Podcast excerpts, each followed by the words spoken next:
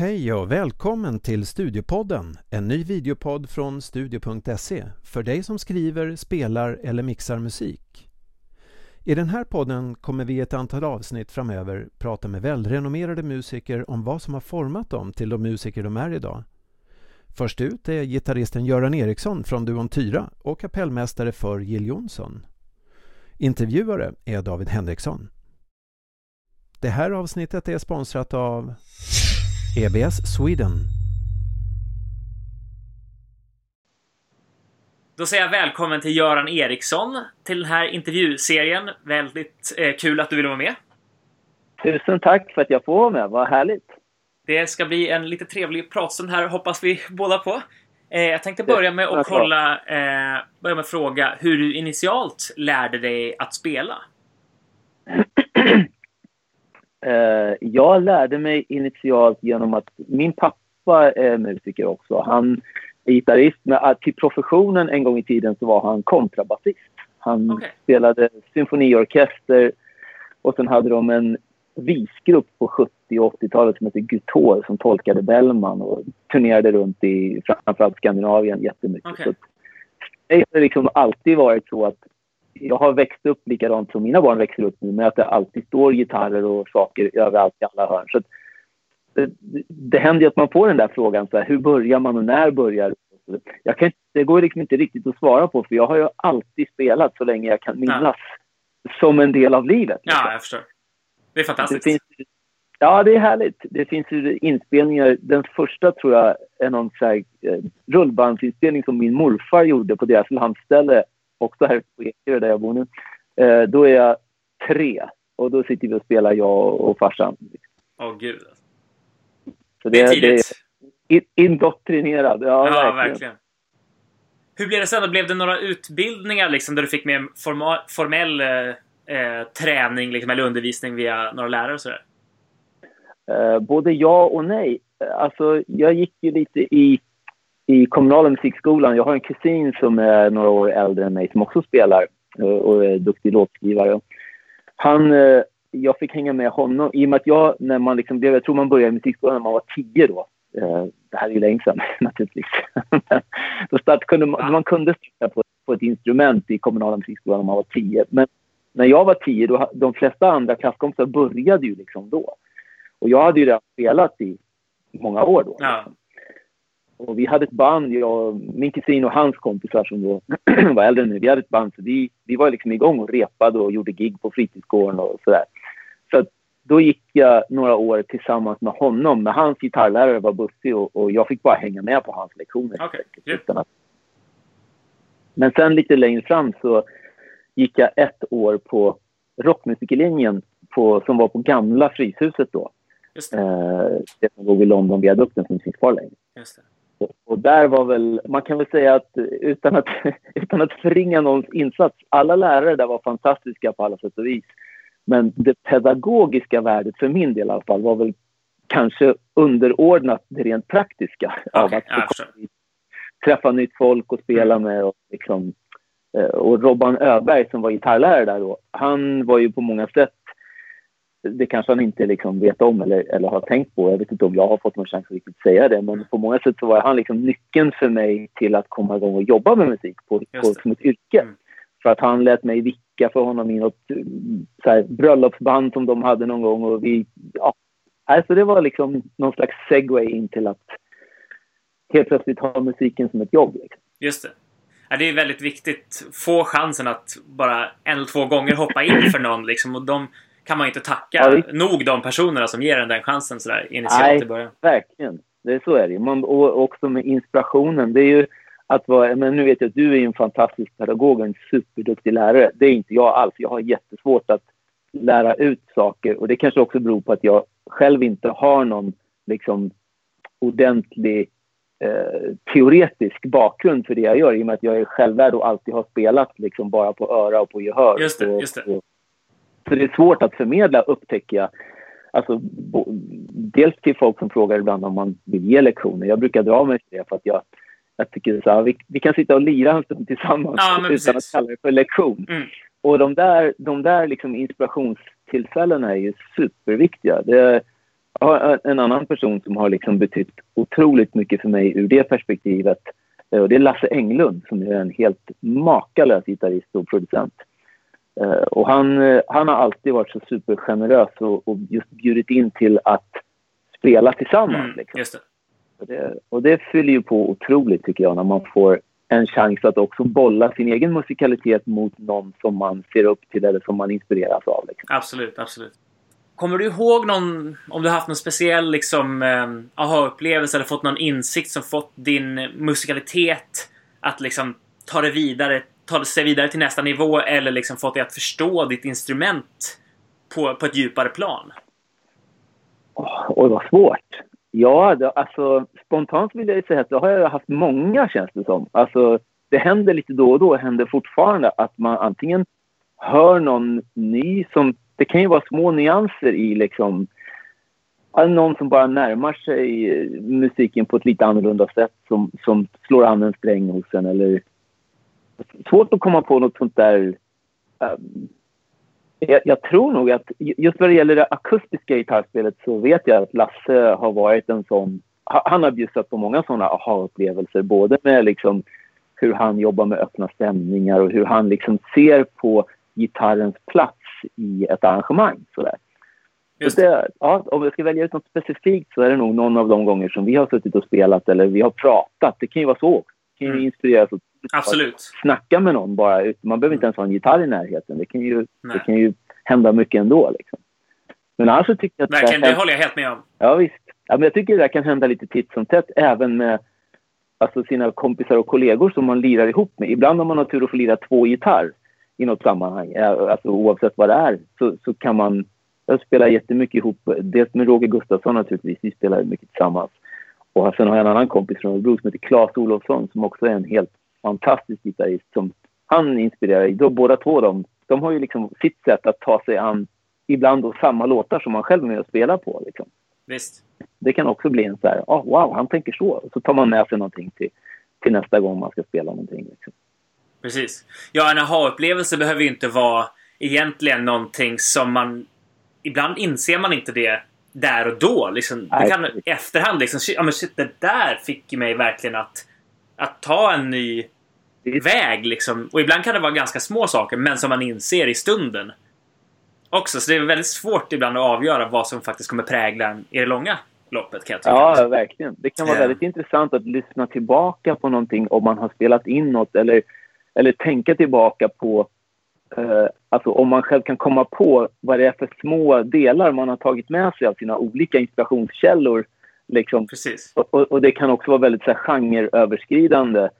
Eh, alltså, jag hade en, en lång period när jag hade en... Alltså, jag tror att de flesta gitarrister i, i min generation har ju någonstans passerat något slags Yngwie Malmsteen, Yngwie Malmsteen-period och sen så kanske kommit ur den någon annanstans. Jag, jag lyssnade jättemycket på en gitarrist som heter Eric Gales ett tag. Eller det gör jag fortfarande, men kanske på ett annat sätt. Men det är någon form av så power trio blues liksom. Eh, och jag kan höra nu att mycket av hans tonspråk, även fast jag inte så ofta spelar den typen av liksom Hendrix Power Trio-musik, även om jag tycker det är Nej. väldigt kul, så hör jag att mycket av det som jag liksom tog till mig då applicerar jag i det jag gör nu, fast i den miljön. Liksom. Mm. Så det är coolt att man kan inspireras ja. av olika genrer och olika sätt att ta till sig musik och det kan komma ut i olika kanaler. Liksom. Ja. ja, men precis. Det är nästan det bästa. Även om någonting som man får med sig oftast kommer från en specifik gitarrist eller en specifik musiker eller en genre eller till och med en specifik låt liksom som man analyserar på djupet så kan ju det i bästa fall bli någonting som man sen kan applicera i många olika sammanhang. Liksom. Och det är väl det bästa sättet att, att suga i sig musik, att liksom inse hur man faktiskt kan använda det i andra sammanhang också. Liksom. Absolut. Om man tänker att ett, ett specifikt lick eller en specifik fras eh, det är liksom ytan av det på något vis. Men när man, när man kan ta till sig vad, vad, den, vad det licket eller den frasen har för funktion i, i, i, i låtens sammanhang, ja. liksom, då har man ju kanske tagit till sig det på ett djupare plan. Och då är det ju lättare att applicera det i andra sammanhang. Det är en Absolut. del av en sätt att uttrycka sig. Liksom. Men det, nästa grej som jag har tänkt fråga om handlade i princip om det här med gehör och notläsning och teori. Men det känns som att i ditt fall så har det ju varit gehöret som har varit den absolut största liksom eh, eh, byggstenen kring hur du har liksom eh, tagit till dig musik och lärt dig musik. Men är det någon av de andra delarna som har smugit sig på lite som du har känt att det här behöver jag lite grann. Jag måste liksom lära mig lite på, på senare år. Liksom. Eller har du liksom så här, äh, jag struntar i det jag gör. Jag gör det bara gehörsvägen. Liksom. Ja, alltså ja. det är ett väldigt specifikt tillfälle när jag... Alltså jag, jag gjorde så Nej. som du säger. Jag har spelat på gehör och det har ju alltid funkat bra. Jag liksom, har ju alltid rört mig i den typen mm. av, av genrer också där man lirar på örat och det handlar liksom om att lyssna på varandra och så här, ja. det, det, det, har, det har gått alldeles utmärkt. Tills en dag när jag... Vi, vi gjorde ett, en, en, en gala, ett galagig med lite olika artister. Och då var kapellmästaren i det här fallet, han var ju väldigt generös. Jag sa till honom från början att jag läser inte så jag behöver få materialet liksom i förväg så jag kan lyssna in mig. Inga problem, han skickade så snällt. Eh, och jag lärde mig allting. Och det gick ju bra. Problemet uppstår ju då bara när artist X kommer upp på scenen och låter meddela att han har bytt sin tredje låt till en helt annan och delar ut noterna. Och då är det någon som ställer fram ett litet blad där det står gitarr 1. och I det läget så sa inte det mig ett smack. Jag visste inte ens vad jag klar. Jag kunde inte läsa en form ens. Liksom. Och då, då är man ju på läktaren. Så att där, efter, den, efter den upplevelsen så bestämde jag mig för att antingen så måste jag ju tacka nej till de där, den där typen av, av jobb, liksom, eller typen av spelningar. Och det vill jag inte. Nej. Eller så får jag ju sätta mig ner och försöka lära mig så pass mycket så att jag i alla fall kan ta mig igenom en låt Just. utan att stjälpa resten mm. av bandet. och det, så det gjorde jag. Och det är ja. ju, det är, nu, nu, är ju det naturligtvis en superhjälp. Jag, jag kan fortfarande tycka att det, jag ser det nog framför allt som en, någon form av liksom navigerings och, och, det, är ju, det är ju mitt tillkortakommande. Jag vet ju massor med musiker som kan lägga in hur mycket liksom, en fas och feeling som helst första gången som de spelar efter ett papper. Liksom. Men det kan inte jag. Så jag, jag ser det som, en, liksom, som någon form av guide i ja, att, alltså, här ska jag ta mig fram och när jag vet vart jag ska då kan man börja liksom, då blir det musik för mig. Det här är, noter för mig är fortfarande ganska strikt matematiskt. Ja. Liksom. Precis, mer av ett recept. Man äter ju inte receptet, man äter ju den färdiga maträtten liksom, på något sätt. Exakt, precis. Men det är kanon. Man kan ju se det som att man hittills alltid har kommit med ketchup fast det, det skulle inte vara det just den här gången. Och nu är det bättre att läsa. exakt. Nej, exakt, exakt. Ja. Vad känner du har varit viktigast för dig? Att liksom ha en eh, bred musikalisk palett eller att utveckla en mer egen röst, liksom mer specifikt?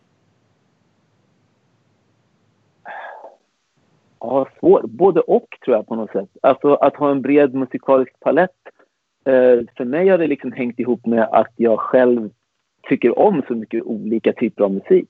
Alltså jag, jag kan ju lika gärna...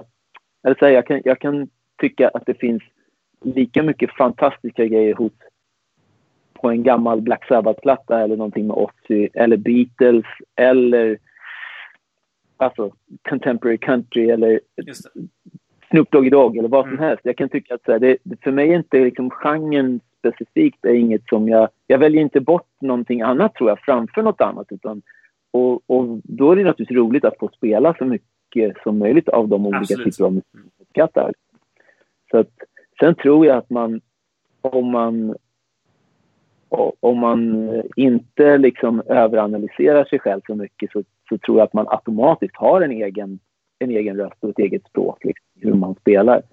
Det, alltså jag, jag kan nog tänka att nu har det ju blivit så att jag har halkat in och spelat mycket country. Eller ja, det där är en definitionsfråga, men, men åt countryhållet i alla fall. Och för mig är det intressant eftersom jag har ju innan, liksom, sen inte vet jag, 10-12 år tillbaka. Jag har ju, jag har ju ingen liksom, bakgrund inom countrymusiken på så sätt alls. Jag har aldrig hållit på country. Så jag har ju inte heller närmat mig country som en mera liksom bevandrad skulle ha gjort. Utan, och då har jag nog försökt att ta med mig min egen, mitt eget tonspråk in i det. Och det är väl kanske det som gör att folk ibland tycker att det är intressant det man gör. Att en, en crossover och en blandning. Liksom.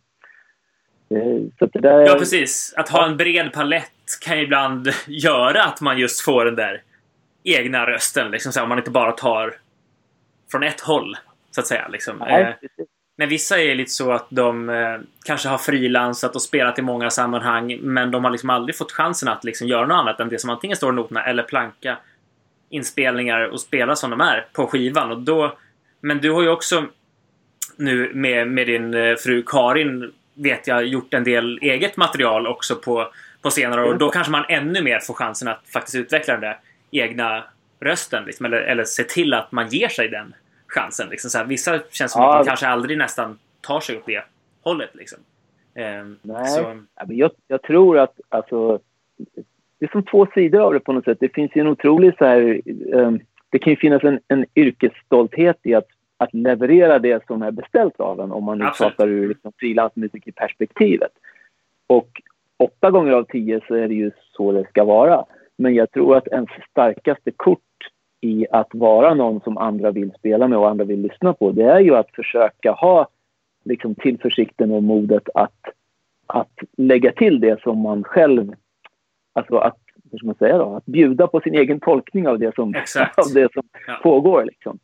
Sen får man ju vara ödmjuk inför att det inte alltid det passar. Det, jag, alltså, det, finns ju, det finns ju massor med sammanhang där man tycker att man har kryddat någonting med sin egen touch och den som är mottagare av det här tycker att oj, så där mycket, så där mycket blues ska det inte vara. Liksom. precis. Eller sådär mycket. Så det, det där är för poppigt, eller det är för opoppigt. Då får man ju, men det är också en utveckling att kunna Ja. ta till sig det. Och, och inte, inte alltid hålla fram sin egen lösningen eller sin egen idé som den optimala eller som något slags facit. Det finns i, i princip alltid, upplever jag, särskilt nu på sista åren så här, kan jag tycka att eh, där jag kanske förut kunde känna ett så här sting av besvikelse om någon inte ställde sig upp och sa Åh gud vad bra att du gjorde så där istället. Det var ju kul. Det var ju mycket bättre än på plattan. Eh, om man inte får den effekten så, så är det ju lätt att man tappar modet lite. Men jag kan väl känna att ja, det, finns, det, finns, det får man ju handskas med och det finns alltid någonting att lära sig när man kommer ur det där. Att, så här, Absolut. med lite perspektiv så händer det väl hälften av gångerna ungefär att man kommer fram till att nej, det, det passade ju bättre för låten att göra det här, även om det inte alls var lika kul att spela. Ja, Och inte kändes, inte Nej. kändes lika som att, eh, ja, ja men du förstår vad jag menar. Det, Absolut, eh, absolut. Jag tror att det är bra att visa i alla fall i något tillfälle att jag kan inte bara spela det som ett platt Jag, jag kan injicera någonting mer i det här. Och sen, och även om det inte passar på första låten så kanske de tycker men du hade ju lite coola idéer på, på det där på den förra grejen som vi gick igenom så du kanske kan liksom har du någon idé för det här stycket också liksom. Så jag tror aldrig att det är, man ska liksom inte vara rädd för att visa det åtminstone vid något tillfälle. Liksom, så här, även fast det kanske inte alltid kommer vara det som man slut, det slutar med att man spelar eh, i långa loppet. Liksom. Så, Visst. Ja, men jag tror man ska ju... eh, Det, eller jag försöker i alla fall tänka på att inte fastna i vad som är rätt eller fel i en speciell genre till exempel. Nej, Eller så här, det, fin, det finns ju egentligen inte per definition någonting som är rätt eller fel. Nej, bara för att det ska vara en... Bara för att du har en viss, en viss dragning åt något håll så finns det ingenting som säger att du inte kan spela oktafast på just den här låten. nej eller, precis. eller, eller tolvsträngad akustisk gitarr eller vad det nu kan vara. Liksom. Exakt. Det, det, måste, ju- det är roligare om det är lite öppna spjäll. Absolut, absolut. Det tycker jag också. Um, här vad, vad gör du för att hitta tillbaks till kreativiteten om eller när inspirationen sinar lite? Köpa en ny gitarr. Det, det snabbaste och bästa svaret eh, hittills på den frågan. ja, Ja, det är bra. Vi behöver inte gå vidare. Ibland ska man inte utveckla. Liksom så. Nej, vi lämnar det. Eh, du som både spelar och sjunger samtidigt ofta eh, och dessutom hyfsat komplexa grejer. Liksom, hur har du jobbat för att få ihop både gitarrspel och sång till ett framförande? Liksom? Alltså, jag, har ju, jag, har ju alltid, jag har ju alltid spelat så. Eh, och det där är någonting som jag både har tänkt på och pratat med många om. Alltså, jag har ju, eh, och särskilt nu när man ser, jag har ju en dotter som går gymnasiet nu och när hon har sökt musiklinjerna och så här så ser man att det är otroligt många som är superduktiga instrumentalister och individualister men som kanske inte alls har liksom erfarenheten eller haft möjligheten att få spela ihop med andra. Och det har jag alltid haft. Jag har liksom alltid haft band. Alltså sen jag var tre år så har jag alltid haft farsan och sen min kusin och hans kompisar och pappas kompisar. Vi har, jag har alltid haft ett sammanhang. Liksom. Så, så Vilken jag lyx ändå! Ja, det är fantastiskt. Jag är supertacksam för det. För man, det gör stor skillnad.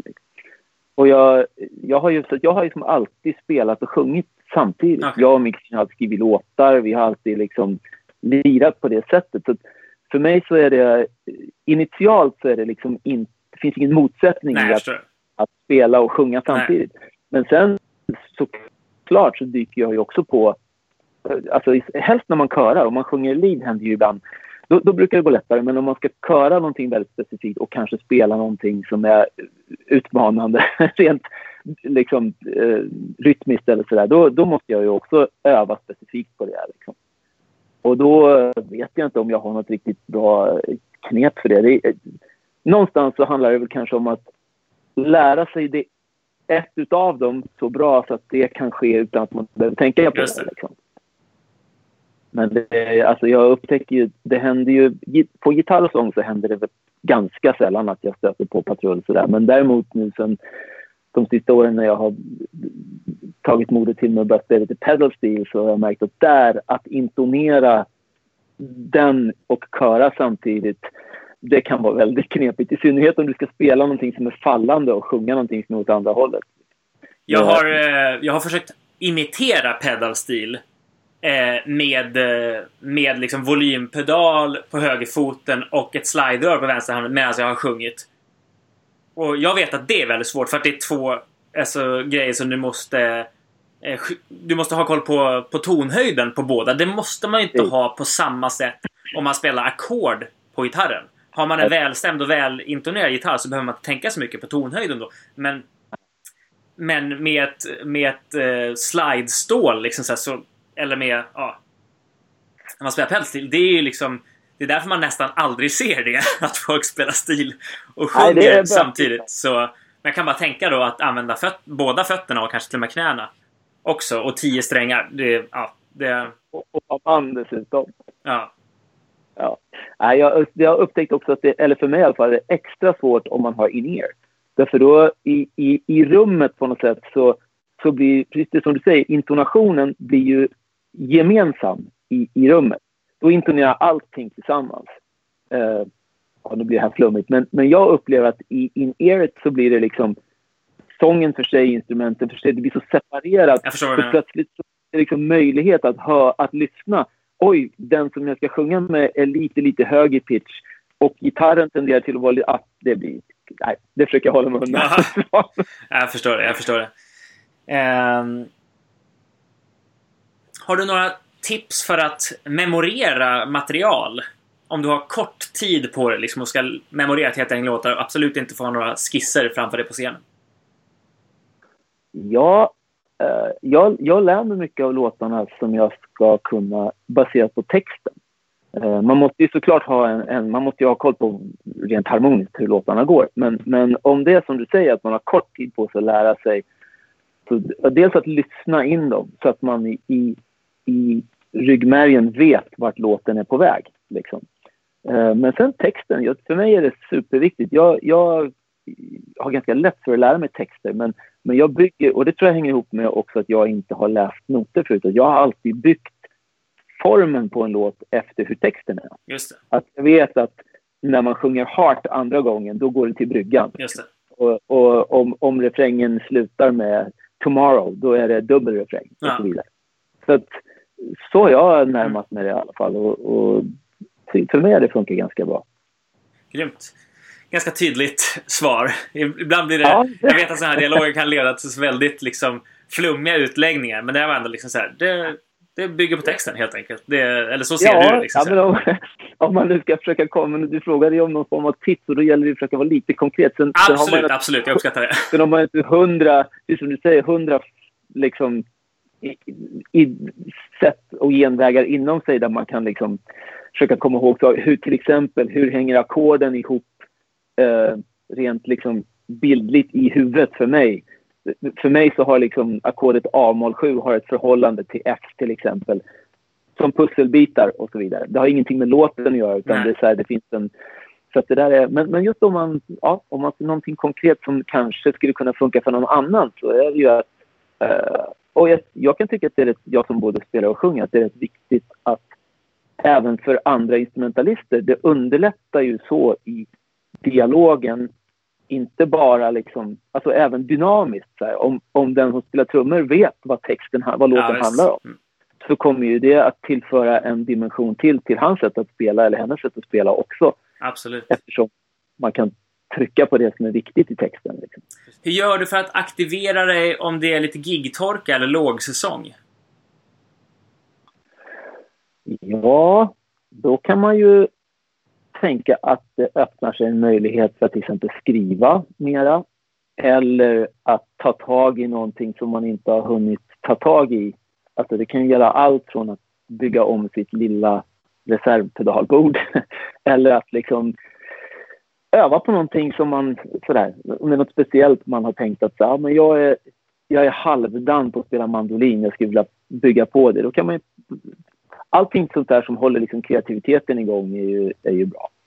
Uh, och nu, nu har ju jag flaxen att vara, vara gift med någon som också håller på med musik och som är otroligt driven och produktiv.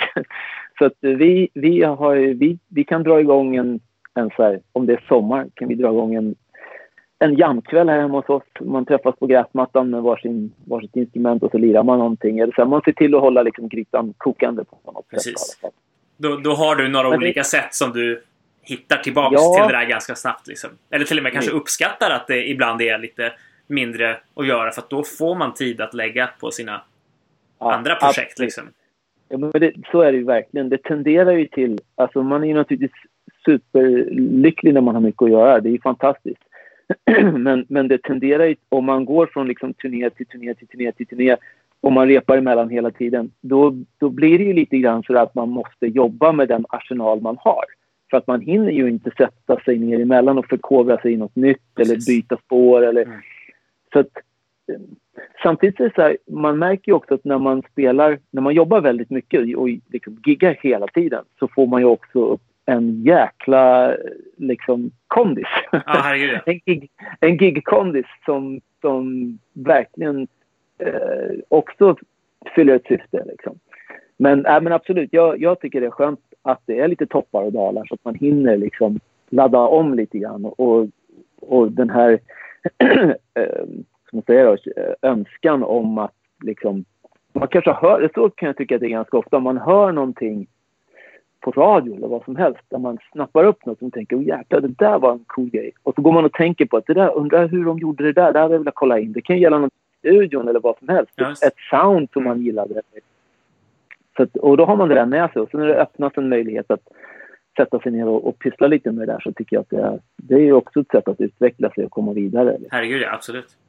Men då tror jag att jag eh, tackar för, för den här trevliga pratstunden. Väldigt givande. Eh, och en del grejer lärde jag mig. En del grejer var ungefär som jag hade anat. Kanske inte vetat, men, men anat. Liksom eftersom att jag har lite koll på dig sen, sen innan då. Eh, men eh, ja, tack så hemskt mycket för att du, för att du ville vara med. Eh, ja, som tackar för att jag får vara med. Ha det så fint. Hej! Detsamma. Vi ses. Hej!